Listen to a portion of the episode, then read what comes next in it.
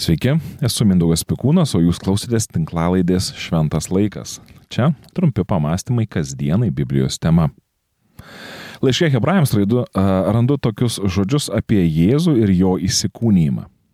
Mes tik regiame tą trumpam laikui mažesnį negu angelai Jėzų, už mirties kentėjimus apvainikuota didybė ir garbe, rašo laiško autorius. Reikėjo, kad Dievo malonė už kiekvieną jis paragautų mirties, tasai, kuriam ir iš kurio yra visa, norėjo daugybę savo vaikų nuvesti į garbę, todėl jam pridarėjo kentėjimais ištobulinti jų išganimo vadovą. Juk šventintojas ir šventinamieji visi kyla iš vieno, todėl jis nesigėdėja juos vadinti broliais. Kadangi vaikų kraujas ir kūnas bendri, tai ir jis lygiomis juos prisėmė, kad mirtimi sunaikintų tą, kuris turėjo mirties valdžią, tai yra velnę, ir išvaduotų tuos, kurie bijodami mirties visam gyvenimui buvo patekę į vergyją. Juk iš tiesų jam rūpėjo ne angelai, o Abromo palikuonys. Todėl jis turėjo visą kuo tapti panašus į brolius, kad būtų gailestingas ir ištikimas Dievui vyriausiasis kunigas ir galėtų permaldauti už žmonių nuodėmės. Pats iškentęs bandymus, jis gali padėti tiems, kurie yra bandomi. Laiškas Ibrahams antras skyrius 9-17 eilutės. Šioje ištraukoje paslaptingai nuskamba mintis, jog Jėzus tapo panašus į žmogų. Teologai yra pasidalinę į tokias, galima sakyti, tris stovyklas. Vieni teigia, kad Jėzus buvo viskuo panašus į mus kad Jėzus paveldėjo visas žmonijos silpnybės nuo pačių Adomo ir Jėvos laikų. Tai reiškia, kad Jėzus gimė su įgimtų polinkiu į nuodėmę ir todėl galėjo būti gundomas jai pasiduoti, jei taip galima pasakyti iš vidaus. Tačiau Jėzus sustiprintas tėvo nepasidavė gundimui nei iš išorės, nei iš, iš vidaus ir liko tyras. Jie teigia, šie teologai, atsiprašau, jei, kaip teigia šie teologai, Jėzus nebuvo gundomas iš vidaus, tada jis nebūtų viskuo panašus į mus ir būtų turėjęs prieš mus pranašumą kovoje su nuodėme. Ir tokiu atveju jo žmogiška prigimtis būtų buvusi visiškai kitokia nei mūsų. Kiti teigia e, prie išvados, kad e, nors Jėzus buvo visiškai žmogus ir galėjo pasiduoti nuodėmiai, vis tik jis nepaveldėjo mūsų vidinio polinkio į nuodėmę. Tai yra, jis kaip Adomas ir Jėva prieš puolimą galėjo būti gundomas nusidėti, tačiau šis gundimas kilo ne iš vidaus, bet iš aplinkos. Šio požiūrio atstovai teigia, kad polinkis nuodėmiai nėra paveldimas ir dėl to Jėzus, kaip antrasis Adomas, e, išsireiškimas dažnai naudotas apaštalo Pauliaus, neturėjo vidinio polinkio nuodėmiai. Jei tas polinkis pas Jėzų būtų buvęs, tada jam, kaip ir kiekvienam iš mūsų, būtų reikėję gelbėtojo. Taip teigiantys mano, kad toks neturėjimas polinkio į nuodėmę yra joks pranašumas, nes Jėzaus gundimai buvo nepalyginamai sunkesni ir kad nenuodėminga prigimtis yra tikroji žmogaus prigimtis. Kaip minėjau, dar yra ir trečioji nuomonė, kurios atstovai teigia, kad Jėzus priėmė nenuodėmingą Adomo prigimtį. Jie mano, kad Jėzuje nebuvo nuodėmės nei įgimtos, nei išugdytos, kas taip įprasta kiekvienam iš mūsų. Žinoma, aš atsiprašau, jei na, šią teologinę diskusiją supaprastinu, tačiau tikiuosi suprato, jog yra bandoma kažkaip tai įsigilinti, perprasti ir suprasti, o kągi reiškia tai, kad Jėzus tapo viskuo panašus į mus.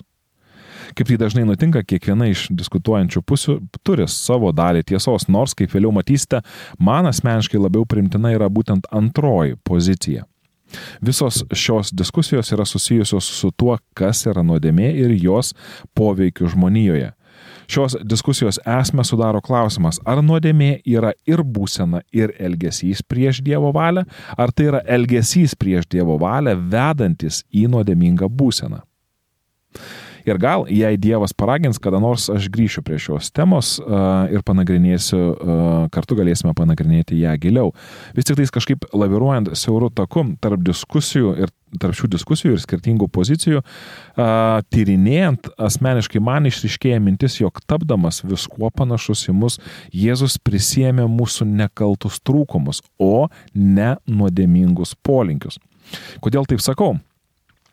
Marijai pasirodęs Dievo angelas kalbėjo, šventoji dvasia nužengs ant tavęs ir aukščiausiojo galybė pridengs tave savo šešėliu, todėl ir tavo kūdikis bus šventas ir vadinamas Dievo sūnumi. Luko Evangelija, pirmas skyrius, 35 eilutė. Jėzus yra vadinamas šventu. Jis toks ir buvo. Tačiau senovės pranašas Izaijas apie Jėzų taip rašė, kad jis prisijėmė mūsų negalės ir mūsų skausmus savo užsikrovė. Pranašo Izaijo knyga 53 skyrius 4 eilutė. Taigi Jėzuje susitiko du atrodytų nesuderinami dalykai - žmogaus ribotumas ir dieviškas tobulumas. Jėzus turėjo nugalėti nuodėmę ten, kur pralaimėjo Adomas ir Jėva Tik Jėzaus atveju jo jau nepalaikė tobulą rojaus aplinka ir Dievo nepriekaištingai sukurtas kūnas. Jėzus atėjo ir tapo kaip ir kiekvienas iš mūsų. Jis nusileido ne tam, kad kur buvo Adomas ir Jėva, bet ten, kur esame kiekvienas iš mūsų. Tam, kad tai, kas buvo pažadėta Adomui ir Jėvai, taptų ir mūsų paveldėjimu. Čia norėčiau pacituoti ištrauką iš vieno anglikonų tarnautojo Henrio Melvilo pamokslo, kuriame jisai kalbėjo. Šventai dvasiai nužengus, Jėzus paveldėjo Marijos silpnybės, bet buvo apsaugotas nuo nedorumo.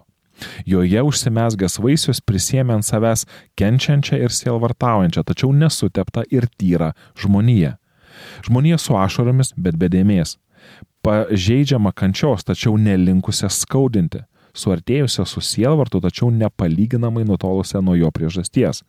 Kristaus prigimtis nebuvo panaši į Adomo prieš polimą, nei jo prigimtis buvo panaši į Adomo prigimti po polimo.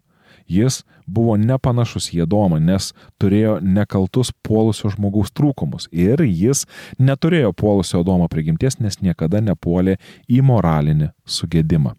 Citatos pabaiga. Jėzus priemė mūsų prigimti tik be nuodėmės.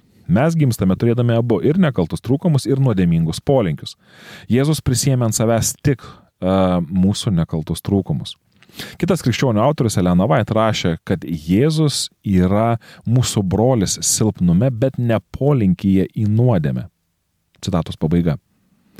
Jokūbas Biblijoje rašo, kad Dievas negali būti gundomas į piktą ir pats nieko negundo. Jokūbo laiškas, pirmas skyrius, 13 eilutė. Todėl visų šių minčių šviesoje galima būtų pasakyti, kad Jėzus įsikūnydamas ir tapdamas žmogumi tapo pažeidžiamu ir šetono gundimo objektu. Jėzus tapo panašus į žmogų, jis ant savęs prisėmė tūkstančius metų niokotą ir žlugdytą žmogišką prigimtį, nors savo vidumi jis liko toks patyras, kaip ir ką tik sukurta pirmoji pora Adomas ir Jėva.